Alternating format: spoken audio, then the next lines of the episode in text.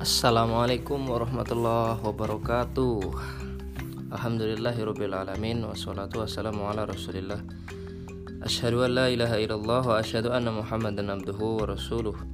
Allahumma salli ala sayyidina Muhammad Wa ala ali sayyidina Muhammad. Um, Ini adalah postingan Kok postingan ya? Podcast pertama yang Podcast suka-suka sebenarnya Untuk Eh, salah satunya mengulas buku ya. Ya buku sendiri maupun buku orang lain. Nah, pada kesempatan kali ini seperti yang mungkin para sahabat tahu semua bahwa buku saya yang pertama uh, yang berjudul Richard Semangat Dakwah. Nah kita coba akan mengulas uh, secara singkat saja tidak perlu panjang seperti bedah buku yang mungkin bisa memakan waktu satu jam hingga dua jam ke depan kira-kira gitu ya. Tapi coba kita bahas secara singkat. Ya mungkin juga ada yang penasaran uh, buku ini terbit dan mengapa buku ini terbit? Kemudian bagaimana menulisnya ataupun berapa lama waktu menulis buku ini? Yuk kita bahas satu persatu ya. Yang pertama dari kita ngomongin penerbitnya dulu ya Penerbitnya adalah Pustaka Saga. Ini milik salah seorang kawan di Surabaya ya, namanya Mas Arif. Ya, beliau sekarang di apa? Kami Pusat. PSDMS Kami Pusat salah satunya. Eh, waktu itu memang penerbit Pustaka Saga lagi naik daun ya di kalangan aktivis mahasiswa karena memang bukunya adalah buku-buku gerakan mahasiswa ya ataupun gerakan dakwah ya, atau buku tema-tema yang ya bersifat anak muda banget ya anak muda banget dan aktivis begitu. Segmennya aktivis. Ini aktivis mahasiswa. Um, kemudian terbit tahun 2017 penulisan buku ini juga tidak terlalu lama ya hanya sekitar berapa ya tiga bulanan lah. Seingat saya tiga bulanan jadi sudah hampir berapa? Dua ya tiga tahun tiga tahun yang lalu buku ini ter, terbit. Sampai sekarang saya juga lupa sudah terjual berapa eksemplar. Yang jelas 100 eksemplar pertama itu bisa saya jual. Saya sendiri loh ya saya sendiri waktu itu ketika buku launching kemudian saya ikut masarin ikut apa istilahnya mempromokan gitu ya nge-share sendiri sebagai seorang penulis saya bisa menjual sekitar 100 100 eksemplar lah. Setelah itu kemudian saya serahkan ke penerbit entah sampai sekarang udah berapa lupa. Mungkin udah cetakan ketiga kalau nggak salah. Kedua atau ketiga ya? Ketiga kayaknya. Um, kemudian buku ini berjudul sebenarnya ya. Mungkin kalau ingin saya saya, saya bercerita judul ini awalnya bukan Richard semangat dakwah judulnya saya juga lupa. Apa ya sebenarnya buku ini membahas lebih banyak tentang dakwah kampus. Makanya di awal-awal judul itu tentang dakwah kampus. Dan kurang memang kurang menarik. Nah kemudian bukunya disarak dikasih saran. Salah satu sarannya waktu itu uh, saya ingat saya Pak Yusuf Maulana ya. Jadi saya berkonsultasi waktu itu. Salah satunya ke Pak Yusuf Maulana. Uh, beliau menyarankan salah satu judulnya adalah Richard Semangat Dakwah. Ya memang ini judulnya sangat khas kemudian sangat uh, menarik ya. Sangat segmentatif gitu ya. Sangat menarik orang dan uh, unik ya. Uniknya kenapa? Karena ya ini mungkin jadi salah satu bahasan latar belakang kenapa buku ini kemudian ditulis. Ya, nanti coba kita bahas. Oke siapa lagi? Itu nanti kita bahas. Uh, kemudian dari sisi sabul ya. Ini memang sangat lucu ya dan aneh mungkin sabulnya cuma gambar tangan ada yang pakai jam ada yang pakai gelang. Ya agak agak nakal juga ya. Ah, ya ini buatan dia saga ya. Kemudian kalau font font Richard semangat dakwah itu sendiri itu memang saya yang bikin tulisannya. Ya, ya gitu. Kemudian ada testimoninya. Wah ada testimoninya loh. Ini sangat keren ya. Testimoninya dari siapa? Oh dari Ustadz Deden langsung juga. Ya beliau penulis buku di balik runtuhnya Turki Utsmani Testimoninya begini, buku ini mengajak kita untuk kembali menghayati hakikat dan kesejatian dakwah. Sangat menarik untuk dibaca di tengah-tengah dakwah yang terus berkembang seperti saat ini. Nah, dari sini kita coba ya, kita coba bahas latar belakang kenapa kemudian buku ini bisa muncul. Loh. ini sangat uh, mungkin unik ya kenapa unik karena bisa bisa dibilang begini jadi waktu itu ketika saya menulis buku ini memang sedang ada perubahan eh, atau transisi lah ada masa transisi ada perubahan zaman yang ketika itu memang mulai terjadi. Ya, jadi banyak orang kemudian tidak memprediksi atau tidak mengira-ira kira-kira ke depan akan seperti apa dengan perubahan-perubahan zaman atau perubahan-perubahan kondisi itu. Dan tapi waktu itu saya sudah memprediksi bahwa ini pasti akan terjadi dan arah gerak juga pasti akan berubah khususnya di, di dalam dunia aktivis mahasiswa maupun aktivis dakwah kampus karena buku ini sebenarnya segmentasinya langsung ke aktivis dakwah kampus. Mungkin banyak orang yang tidak berpikir ke sana tapi waktu itu saya mencoba merenungi apa yang kemudian saya alami dan pandangan saya ke depan itu akan seperti apa yang terjadi. Dan ternyata benar hari-hari ini satu tahun dua tahun dan bahkan sekarang hampir tiga tahun eh, apa yang kemudian saya prediksi kali itu ternyata sudah mulai benar. Nah kira-kira gitu. Nah, coba ya yang pertama misal eh, berkaitan dengan ini urusan teknis sebenarnya ya berkaitan dengan masa studi kampus. Coba masa studi kampus hari ini sangat cepat. Dulu ketika saya masih kuliah apalagi saya seni rupa ya itu tujuh tahun itu masih diperbolehkan jadi suka-suka lah suka-suka gue mau lulus kapan gitu ya. Suka-suka saya mau lulus kapan. Nah tapi coba bayangkan eh, hari ini lima tahun ada yang satu generasi saya itu hilang 2014 itu.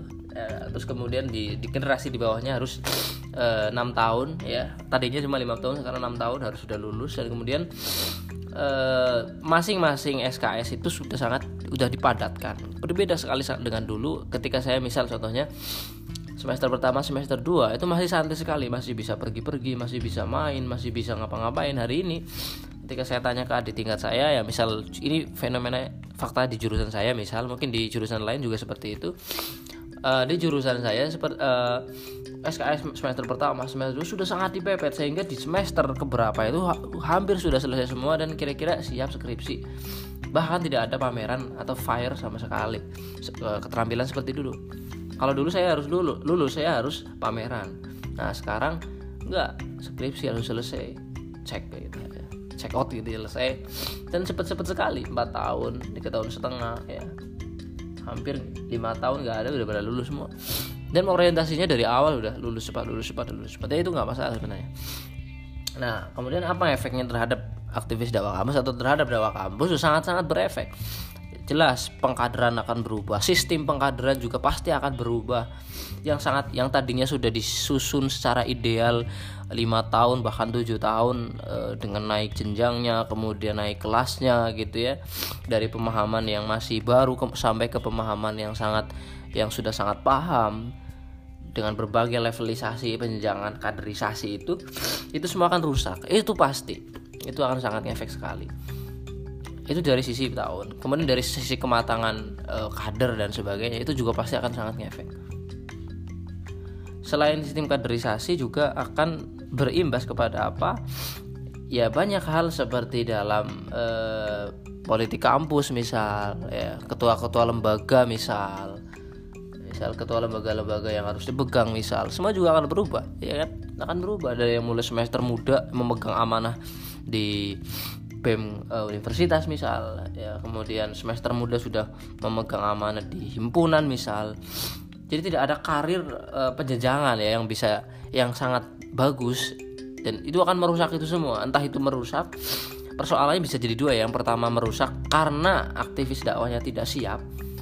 Atau yang kedua ya yang ya mau nggak mau harus disiapkan dari muda uh, hingga nanti masa itu habis dengan masa yang sangat cepat itu itu baru itu baru aktif dakwah kampus secara umum. Coba kalau kita bicara konteks LDK atau lembaga dakwah kampus itu akan sangat sempit lagi. Kenapa? Karena masa mereka satu tahun satu tahun kepengurusan satu tahun kepengurusan tidak ada penjenjangan keberlanjutan coba bayangkan.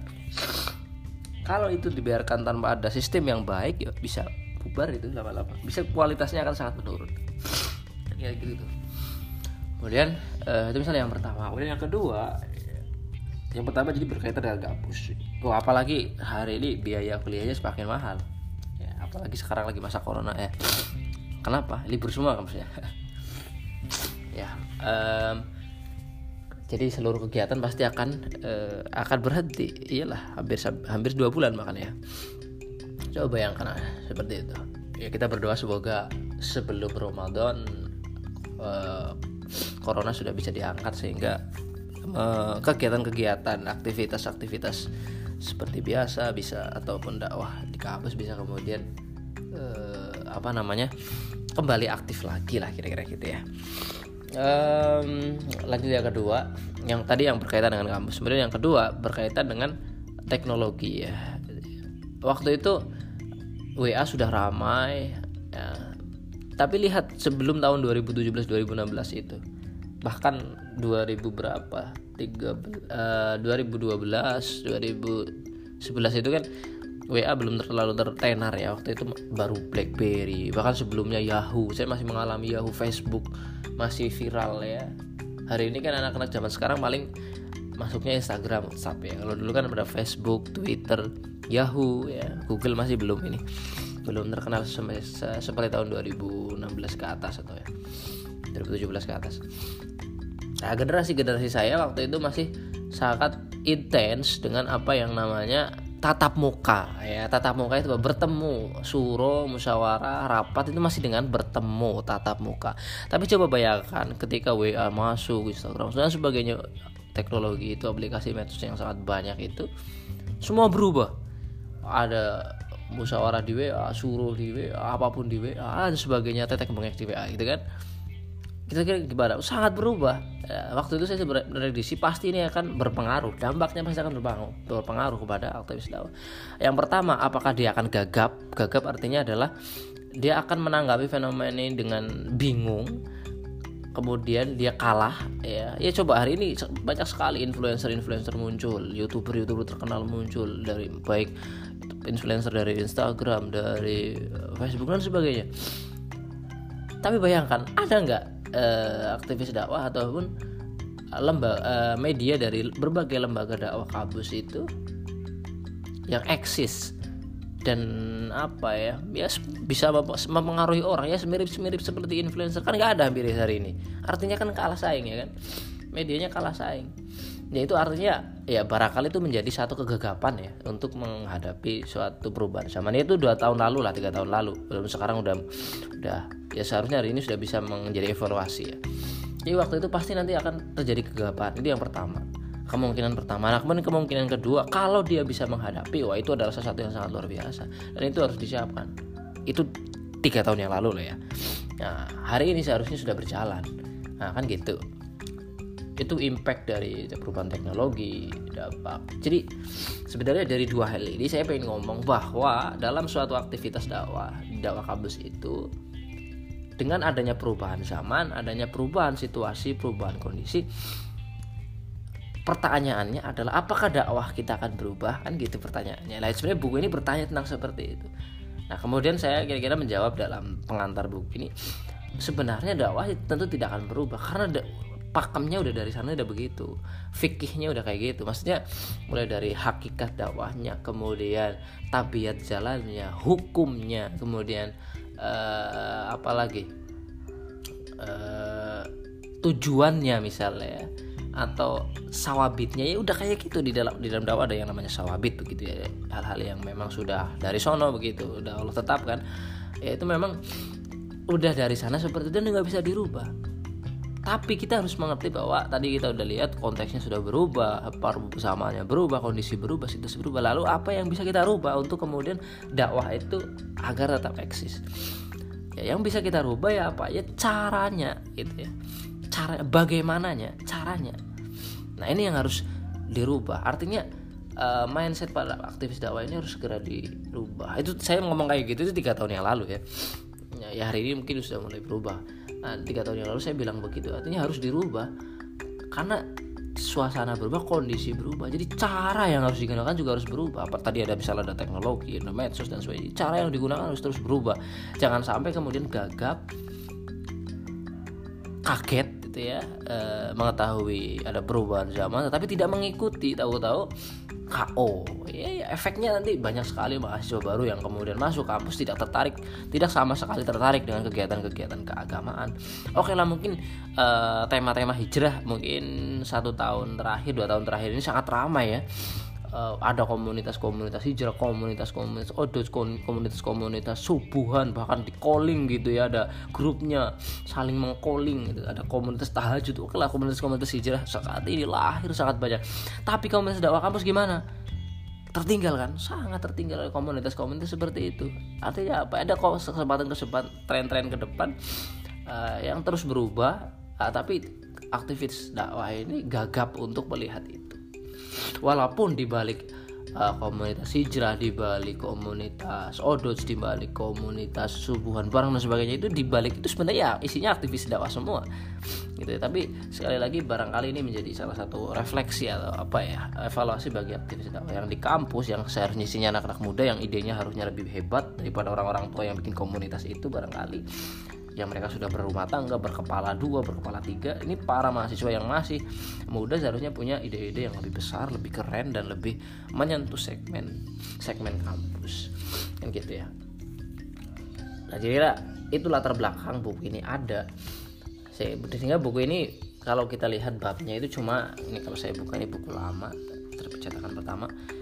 Itu ada dua bab. Ya saya menulis ada dua bab. Ini sedikit aja dua bab tapi kalau di total halamannya ada 162 um, bab yang pertama itu refleksi tentang hakikat diri. Jadi sebelum masuk ke tema-tema dakwah aktivis dakwah dan gerakan dakwah kita itu kita memasuki uh, kita istilahnya melihat diri kita sendiri sebagai seorang manusia ini sebenarnya apa kontekstualisasi dengan dakwah itu. Jadi uh, kita mencoba membahas sebenarnya dakwah ini wajib nggak sih bagi setiap manusia? Ya mulai dari hukumnya tadi. Kemudian uh, paradigmanya kemudian mengokohkan akarnya gimana sampai nanti uh, kepahaman pemahaman yang harus dimiliki oleh seorang aktivis dakwah itu seperti apa. Kemudian sampai kepahaman bahwa dengan kita berislam ada satu konsekuensi yang besar. Selain kita komitmen terhadap keislaman kita juga kita harus komitmen terhadap ya sebuah gerakan sebagai gerakan ya sebagai komitmen terhadap harokah kira gitu. Lah kenapa itu penting atau perlu? Karena memang Islam ini adalah satu-satunya agama yang memiliki konsep dakwah dan harokah tidak ada di dunia ini agama selain Islam yang kemudian memiliki konsep itu jadi ketika konsep dakwah hilang atau konsep harokah itu hilang di dalam Islam pasti Islam akan mengalami kemunduran. Itu itu pasti sudah. Jadi dari dari sunatullahnya begitu emang dari dulu. Hmm. karena Islam sebagai agama yang terakhir penutup kemudian menjadi final ya di kehidupan manusia yaitu sangat jelas bahwa risalahnya itu adalah sempurna sumbul. Kan begitu. Jadi memang ada proses penyebaran di situ. Nah itu ya, kenapa kemudian Islam menjadi agama yang terbaik? Ya, kenapa Allah mengatakan kutub khairu umatin ukhrijat itu sebenarnya karena itu karena Islam itu di situ ada syiar dakwahnya. Makanya ayatnya itu kan dilanjutkan dengan amar ma'ruf nahi munkar gitu ya kutub khairu umatin ukhrijat linas ta'muruna bil ma'ruf wa tanhauna 'anil munkar. Kenapa ada ta'muruna bil ma'ruf wa tanhauna 'anil munkar itu? Ya karena itu syaratnya begitu. Ada sisi syiar dakwah ada sisi si arah amar mungkar dan jihad visabilillah kan begitu. Kalau dalam surat asof begitu ada tambahannya. Ya tuh minunabilahi eh ya warusulihi wa tujahiduna visabilillah bi amwalikum wa anfusikum. Begitu. Ah berjihad di jalan Allah itu masuk dalam sisi yang lain. Nah, makanya Dokter Rizky Kordowi dalam satu kitabnya yang berjudul uh, Malami al Mustamal Muslim, nah, kawan-kawan sahabat-sahabat semua bisa mencarinya di uh, sudah diterjemahkan di era Adi Citra Intermedia ya penerbit di Surakarta itu Solo. Uh, di kitab itu jelas Yusuf Kordowi kemudian menggolongkan bahwa selain sholat, zakat, puasa, naik haji, ada dua lagi ibadah besar, siar besar ibadah di dalam Islam apa? Ya yang pertama berarti yang kelima ya karena kan yang kedua sampai eh yang pertama sampai keempat itu adalah rukun Islam kedua sampai rukun Islam ke lima nah yang kelima itu berarti apa? Eh, yaitu amar ma'ruf nahi mungkar atau dakwah kemudian yang keenam adalah jihad bisa jadi dua hal ini adalah siar besar di dalam. Misalnya mungkin hari ini secara persepsi di individu kita di masyarakat kita itu sudah hilang. Atau bahkan dikatakan teroris lah bahkan dikatakan eh, apa namanya eh, anti pancasila dan sebagainya. Padahal tidak seperti itu. Justru dua hal ini adalah siar besar yang ketika hilang umat kita bisa sangat mundur. Bisa hilang arah dalam sejarah peradaban kita kan seperti itu. Pasti naik turunnya karena itu. Misal di Abbasiyah mundur ya. Itu kenapa? Perang salib masuk misal begitu. Semua itu karena itu. Karena konsep amar nahi mungkar sabirina sudah hilang dari jiwa umat nah itu jadi di, di bab pertama kita akan membacakan itu misal saya bacakan ya ada ubah paradigma tugas kita akar kita konsep sumudatul Islam ya. Kemudian konsep tarbiyah ya jadi ada konsep tasgiyatun nafs saya masukkan ke situ. Kemudian agar tidak merugi sebagai manusia harus ngapain? Ya, khususnya sebagai nanti komitmen kita terhadap dakwah itu. Kemudian ada saya di sini menambahkan satu prinsip fleksibel pada metode dan sarana kemudian kokoh pada prinsip ini. Tadi yang saya bilang jadi di dakwah itu ada sawabit ada mutahirat sawabitnya itu misal seperti tujuan dakwah harus tetap ya. Kalau dalam fikih dakwahnya Syekh Mustafa Masyur tujuan dakwah itu apa? Jelas tujuan dakwah itu adalah Allah Subhanahu wa taala. Oh, tujuannya begitu. kalau fungsinya lah iya mungkin uh, menyebarkan agama Islam, siar Islam sampai tidak ada fitnah di uang ya sampai tidak ada fitnah di muka bumi. Begitu kan ayatnya begitu. Nah, itu setelah kita tahu bahwa siar besar dalam dakwah sama jihad adalah siar besar dalam Islam, ya kita harus tahu bahwa itu adalah wajib. Makanya ada satu fikih dakwah di karyanya Syekh Mustafa Masur itu uh, ya menjelaskan dari sisi ayat Quran surat Ali uh, Imran tadi itu ya, ya memang sebenarnya dakwah ini diawali dari uh, apa? Fardu kifayah ya. Tapi karena uh, kalau menurut beliau karena memang hari ini tidak ada yang bisa menaungi Islam dan tidak ada yang bisa melegalkan itu tidak ada yang bisa mengiringi itu. Ya mau nggak mau setiap manusia harus berdakwah masing-masing. Artinya apa? Masing-masing di sini artinya setiap individu punya tanggung jawab itu. Artinya menjadi fatwa ya pasti itu debatable ya ada yang mengatakan fatwa kifayah yang mengatakan fatwa ain. Itu kondisinya kan sangat berbeda-beda di wilayah uh, orang itu berada gitu. Kemudian uh, apa lagi? Tapi yang jelas itu adalah syiar besar di dalam Islam. Tanpa dua hal itu pasti akan ada kemunduran yang sangat besar. Itu ya. Itu itu yang pertama tadi yang berupa sawabit ada apa tadi? Ada tujuan. Kemudian selain itu ada uh, di dakwah itu ada yang namanya istimror ya keberlanjutan ada levelisasi. Yang sawabit lagi misal ada proses tarbiyah di sana. Tarbiyah di sini maksudnya ada proses pendidikan di dalam dakwah itu. Jangan sampai uh, objeknya A butuhnya A dikasihnya B kan nggak mungkin. Orang awam kemudian disuruh uh, dia baru masuk kampus baru belajar ngaji ya disuruh uh, ke sana ke sini sana sini sini. Eh jelas jelas dia nggak mau. Setelah itu dia bosan dan keluar kemudian ikut komunitas yang lebih ringan misalnya komunitas yang lebih mudah kan begitu. Jadi kita harus tahu objeknya itu seperti apa. Kemudian di setelah itu ada eh, apa ya misal Eh, konsep berjamaah. Ya konsep berjamaah itu adalah sawabit di dalam Islam. Itu bukan hal yang bisa ditawar itu memang harus begitu. Musuh-musuh Islam aja kamu ya sangat mereka sangat terus rapi gitu. Nah kemudian setelah itu ada suro misal musyawarah. Musyawarah juga bagian dari sawabit di dalam dakwah. Gak mungkin dakwah itu bisa terselesaikan ketika tanpa adanya musyawarah. Di dalam musyawarah pasti nanti ada di situ kita akan bicara konsep kepemimpinan kita akan bicara konsep pemimpin di situ. Ada wal jundiah ya ada bicara konsep prajurit konsep uh, di bawah seorang pemimpin dan sebagainya ya kan? Di situ nanti kita bicara konsep ketaatan ya. Sangat banyak. Nah ya. Kemudian uh, selain itu di situ juga berbicara tentang hal-hal seperti keberanian pengorbanan ya di buku ini maksudnya hingga konsep Ustadz itu alam saya tulis kembali di sini. Kemudian yang bab kedua, untuk bab kedua ini berisi tentang refleksi kondisi dakwah di kekinian. Ini kekinian dalam arti tahun 2017 itu masa transisi. waktu itu saya menyebut masa itu masa transisi. Itu perubahan zaman mulai dari kondisi kampus hingga perubahan zaman dari kondisi teknologi maupun uh, media ya media khususnya media sosial waktu itu sangat sangat besar internet yang sangat sangat mulai tinggi penggunaannya nah, di situ mulai saya berbicara tentang asas dakwah asas gerakan kemudian bicara tentang hakikat gerakan kemudian ada sistem pengelolaan organisasi yang baru. Di situ saya mengajukan ada pengelolaan organisasi yang baru ya dalam konsepsi aktivis dakwah kampus. Karena yang biasa kita kenal kan ada sisi misal ada sisi siasi politik kemudian ada sisi dakwawinya ada sisi uh, apa keilmuan ada sisi pengkaderan dan sebagainya itu ya. Nah itu itu harus dirubah bukan berarti dirubah uh, menghilangkan. Itu bukan tapi ada hal-hal yang perlu ditambah. Misal ada sisi ekonomi ada sisi media. Khususnya media. Waktu itu saya mengusulkan ada sisi baru dalam dakwah kampus yang harus kita pikirin. Sisi media. Harusnya ada orang yang khusus memperhatikan segmen segmen ini. Karena memang saya memprediksi waktu itu ini pasti akan jauh efektif. Terbukti ternyata tiga tahun yang akan datang khususnya hari ini ya berarti udah hari ini itu kan sangat besar influencer ngomong A misal satu tokoh ngomong A di Instagram tuh itu wah seluruh orang berbondong-bondong. Banyak yang mendukung ya yang menghujat juga banyak ya tapi yang mendukung itu sangat sangat apalagi untuk aktivitas sosial keagamaan itu sangat luar biasa. Mereka bisa mengumpulkan donasi dalam waktu berapa menit sangat banyak.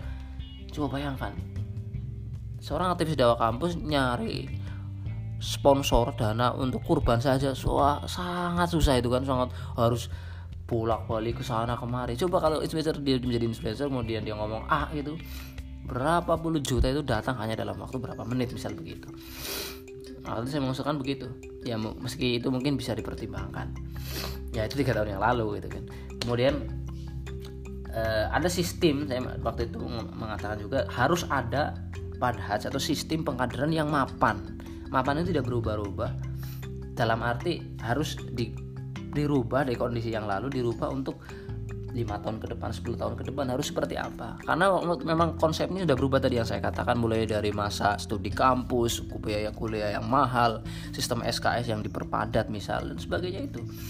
Artinya harus jangan sampai kader-kader yang masuk baru kemudian lulus itu setelah lulus nggak tahu apa-apa. Dia hanya tahu kulitnya saja dia hanya capek di kepanitiaan dia hanya capek di di masalah-masalah teknis dakwah itu. Tapi dia tidak tidak meyakini atau tidak um, apa ya tidak kuat di dalam hatinya bahwa dakwah itu melekat dalam dirinya. Dia tidak tahu yang benar yang yang masuk itu seperti apa. Wah itu kan ngeri sekali. Bisa-bisa dia keluar kampus dia bubar.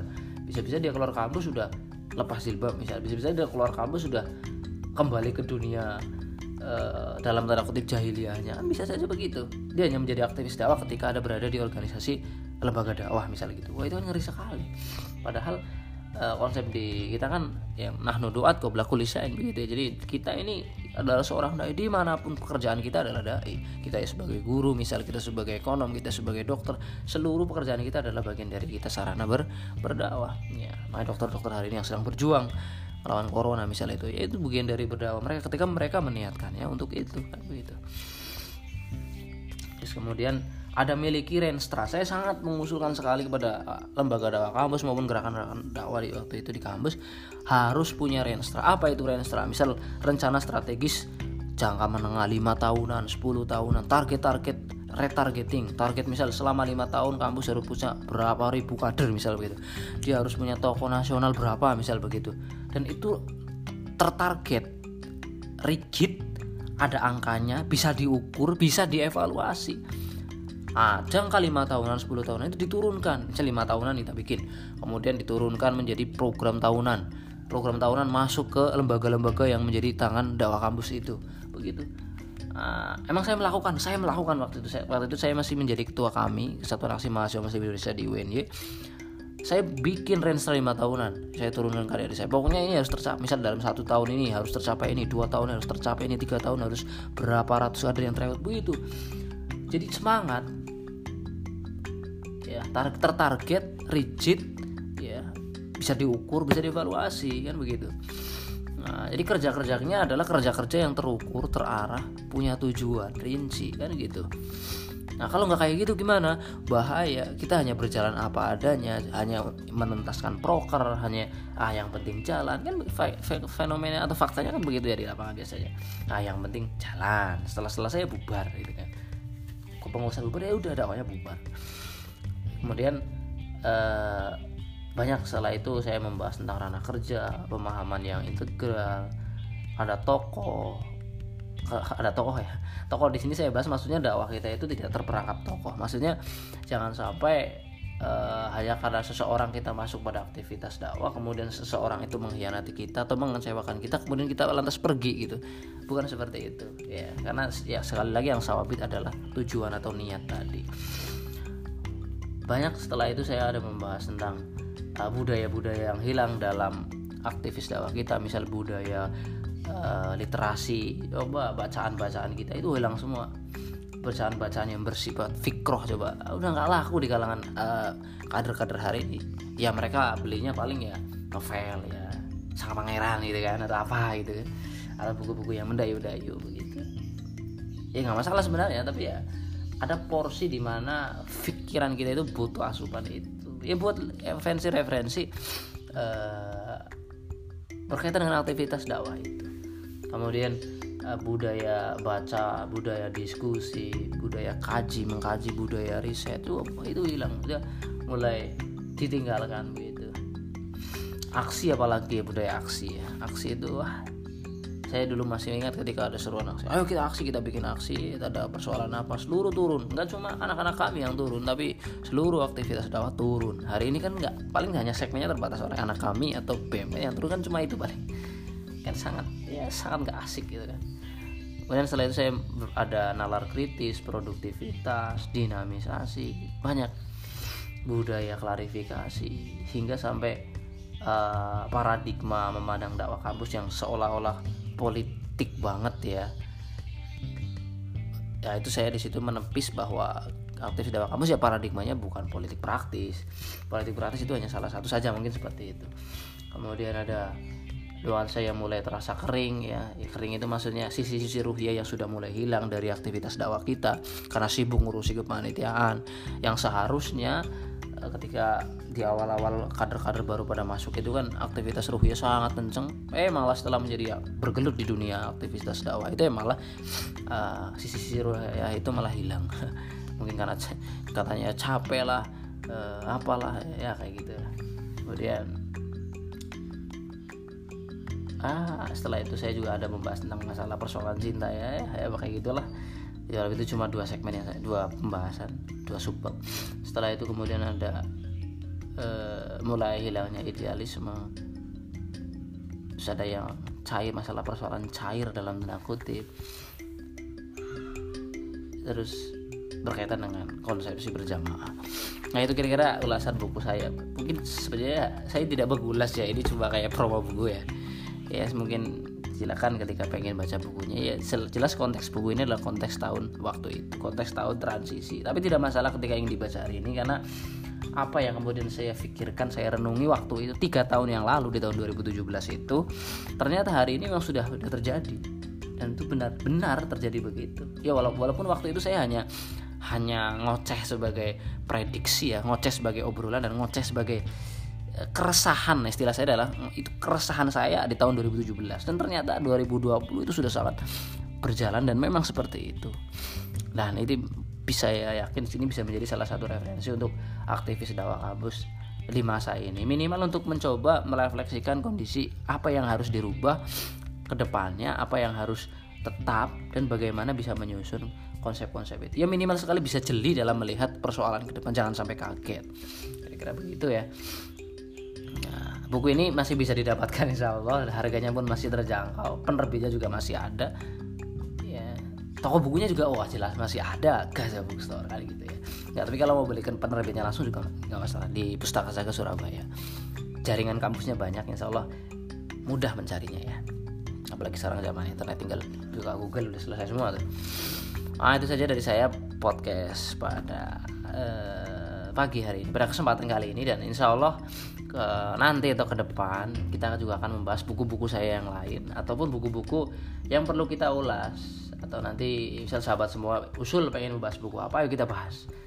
Ya di tengah-tengah wabah ini yang ketika kita pada stay at home di rumah aja itu ya minimal kita punya bacaan yang bagus atau mengisi waktu luang dengan bagus. Ya mungkin podcast ini bisa mengisi salah satu waktu itu. Mohon maaf mungkin saya tidak terlalu banyak menyampaikan refleksi di buku ini. Sebenarnya banyak sekali yang ingin saya sampaikan tapi karena namanya sendiri ini ulasan singkat ya jadi ya sesingkat aja nanti ketika pengen tanya jawab ya kita bisa saling tanya di WA ataupun di mana pun bisa kita bertemu. Dan buku ini sudah saya bedah di berbagai kampus ya lucunya begitu.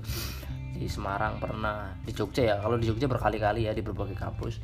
Di, di luar daerah itu baik yang online maupun offline yang offline saya pernah di beberapa daerah yang online juga ada dari yang online itu malah rata-rata di luar Jawa ingin membedah buku ini. Pengen tahu sebenarnya konsepnya seperti apa.